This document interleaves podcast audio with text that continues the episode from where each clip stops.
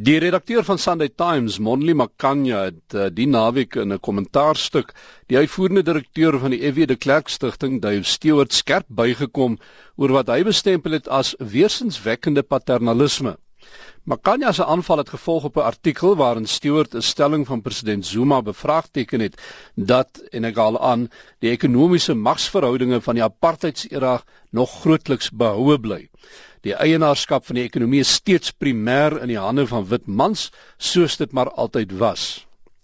Nou Stewart sê die redenasie berus op 'n wanopvatting en ons praat met Dave Stewart, môre Dave. Uh, goeiemôre Kobus. En ook met die hoofekonoom van die Efficient Groep, Dawie Rood, môre Dawie. Uh, goeiemôre Kobus. Dave, jy het uh, dit oor die president se stelling rakende wit eienaarskap in die ekonomie. Uh, begin net vir ons min of meer die hoe jy die ding sien. Ja, well, uh, vir my uh, het dit net eenvoudig nie sin gemaak nie. So ek het 'n bietjie gekyk na die uh, na die uh, die onderliggende statistieke. Dit lyk asof die president er eienaarskap uh, van die ekonomie en beheer van die ekonomie met eienaarskap van aandele op die Johannesburgse aandelebeurs verwaar het. Eintlik volgens my beramings is die is die uh, Johannesburg aandelebeurs verantwoordelik vir slegs 20% plus minus van ekonomiese aktiwiteit. Die president het nie die bydrae van regering bygetel en uh, vanjaar sal regering 29% van die totale bruto bruto nasionale produk bestee. Hy het ook nie die bydrae getel van die uh, die staatsbeheerde maatskappye soos soos Eskom en uh, Suid-Afrikaanse lugdiens en so voort. Dit is nog 8%. So die idee om om die die idee te, te stel dat niks verander het in in ekonomiese magsverhoudinge tussen uh tussen 1994 en nou is myns insiens eenvoudig verkeerd. En dit was eintlik die die kern van my argument. Dawie, gaan jy akkoord? Ehm um, Kobus, ek dink grootliks ja, maar ek dink die my klem sou waarskynlik iets wat anderster of ergens anderster plaas. Die afloop as mens gaan kyk wat die afgelope 15 jaar in Suid-Afrika gebeur het, dan was daar 'n uh, 'n dramatiese verandering gewees in wie besit wat in Suid-Afrika in die eerste plek, maar baie meer belangrik, daar was 'n dramatiese verandering gewees in mense se toegang tot goed soos byvoorbeeld behuising, elektrisiteit en dis meer. Nou iemand moet vir hierdie goederes betaal het. Nou ek dink nie enigiemand kan ontken dat blanke mans in Suid-Afrika ehm uh, ekonomies waarskynlik sterker is as enige enige ander groep nie, maar ek dink ook nie enigiemand kan ontken dat blanke mans se posisie in vergelyking met hulle waar was 15 jaar terug heeltemal anderster is nie. Ek het die hele klompie sommetjies en berekenings al gedoen en dit is moeilik natuurlik om 'n om 'n antwoord te kry en te sê dat hierdie groep besit dit en daai groep besit dat. Wat mense eintlik behoort te doen is eintlik te kyk na die hele ekonomie en te kyk hoe die hele ekonomie verbeter het. En die hele ekonomie het dramaties verbeter die afgelope 15 jaar.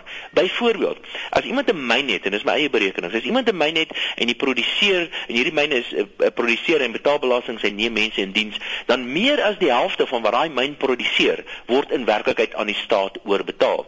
Ek het ook so vermoede dat gewoonlik wanneer ons hierdie ras stories hoor en hierdie verdeling van inkomste stories hoor, dan is dit gewoonlik 'n politieke reaksie van die politici wanneer hulle hulle agter hulle eie voordeur eintlik nodig het om bietjie skoon te vee. Hmm. Die afgelope tyd het ons gesien dat die staat werklik waar faal in Suid-Afrika. Die plaaslike owerhede is om 'n mooi Afrikaanse te, gebruik in 'n gemors. Uh, baie van die staatsinstellings uh, soos byvoorbeeld onderwys is in 'n gemors. So ek dink wat mense eintlik behoort te doen is die realiteit is dat die staat speel 'n geweldige groot rol in Suid-Afrika. Dis waarskynlik nader aan miskien selfs meer as 40% van die ekonomie. Die politici is in werklikwaar beheer van die land en hulle kry geweldig baie geld van die res van die ekonomie af en ek dink miskien het dit tyd geword dat die politici heel eers doen wat hulle veronderstel is om te doen en goed doen voordat die res van die ekonomie begin kritiseer. Die feit is ook meneer as ons nou kyk na hierdie ding, is dit nie maar ook so dat uh, mense maar ook moet die die les moet leer dat Uh, dis alles goed en wel om te sê goed ons moet uh, 'n magsverandering of magsverhoudinge of ekonomiese magsverhoudinge verander. Uh, ons moet eienaarskap verskuif of verbeter in die een groep uh, ten ten koste van die ander. Sou dit nie beter wees en dit is maar die ding wat bepleit is dink ek van 20 jaar, 30 jaar terug al dat ons moet die koek groter maak en dit en dit help nie om mense af te skrik uit die ekonomie deur te sê maar jy jy, jy mag nie besit nie, jy moet eintlik nou afstaan. Ek kan ek vinnig daai antwoord, dit is hmm. my makliker. Die antwoord daarop is eenvoudig wat 'n mens moet doen in steede daarvan om van die die boonste ouens af te druk met jy eintlik 'n geleentheid skep om die onderste ouens kan opkom in die proses. Dit beteken daar's net een antwoord en dit is ekonomiese groei. En as gevolg van ekonomiese groei in Suid-Afrika by laaste klompie jare, die laaste 2, 3 jaar, het dit nou nie goed gegaan nie, maar voor dit het ons 'n dramatiese verandering gesien in mense se welstand in Suid-Afrika. So die antwoord op al hierdie goeters is ekonomiese groei en dis die enigste manier om armoede en werkloosheid en dies en dies meer aan te spreek. Duif Stewart?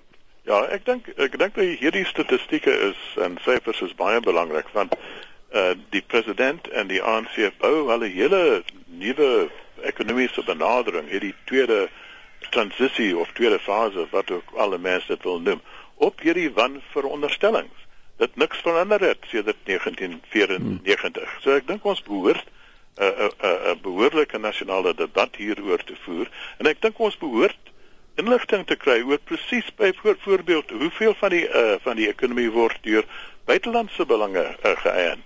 Uh dit is uh alle buitelanders uh, is eienaars van 33% van die aandele op die Johannesburgse beurs. Beurs. Ja. En dit is nou nie 'n wit uh, manlike hande nie.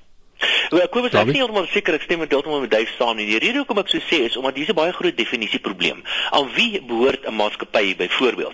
Nou 100 jaar terug of 200 jaar terug het 'n nywerhaar gewoonlik het hy die fabriek besit en hy het al die geld wat in die fabriek gemaak word was syne gewees en hy het ook die fabriek bestuur. Vandag is dit anderster. In die moderne lewe behoort 'n maatskappy tipies aan 'n in 'n pensioenfonds of aan 'n versekeraar of 'n groot aantal aandeelhouers. Hulle stel iemand aan 'n professionele bestuurder om die maatskappy namens hom te bestuur. En mens kan in onder hierdie omstandighede is dit moeilik om te sê dat hierdie hierdie maatskappy behoort aan aan die bestuurende direkteur of aan 'n pensioenfonds of aan 'n bank of wat die geval ook al mag wees. In baie gevalle het banke natuurlik is, is self ook groot finansierders hiervan.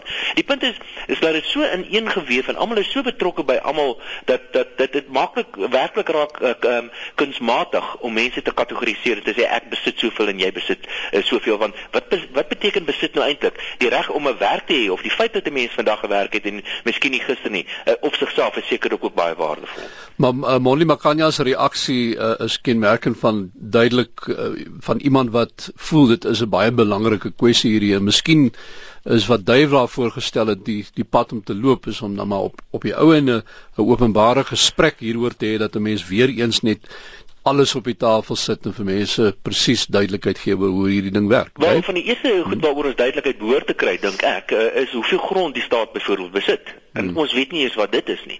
Uh, ons het weet die politici maak baie keer 'n vreeslike gewag daarvan dat die herverdeling van grond in Suid-Afrika vind vind nie behoorlik plaas nie, maar die politici kan self nie sê hoeveel grond die staat eenvoudig besit nie. Nie net dit nie. Hoeveel eiendomme, uh, ander eiendomme en hoeveel uh, uh, ondernemings en besighede besit die staat? Daarvoor het ons nie eens behoorlike antwoorde nie. So die eerste stap sal wees om behoort te wees 'n behoorlike uh, audit uh, van die balansstaat van die staat. Dave Stewart Ja, ek stem saam. Ek ek dink uh, uh, om 'n behoorlike gesprek in die land te voer, moet ons dit op die beste moontlike statistieke uh, grond. En dit uh, bestaan op die oomblik eintlik nie. Ook wat hierdie belangrike kwessies betref van van uh, wie besit wat. Dit is die kern van die ANC se argument, maar ons het behoorlike feite nodig.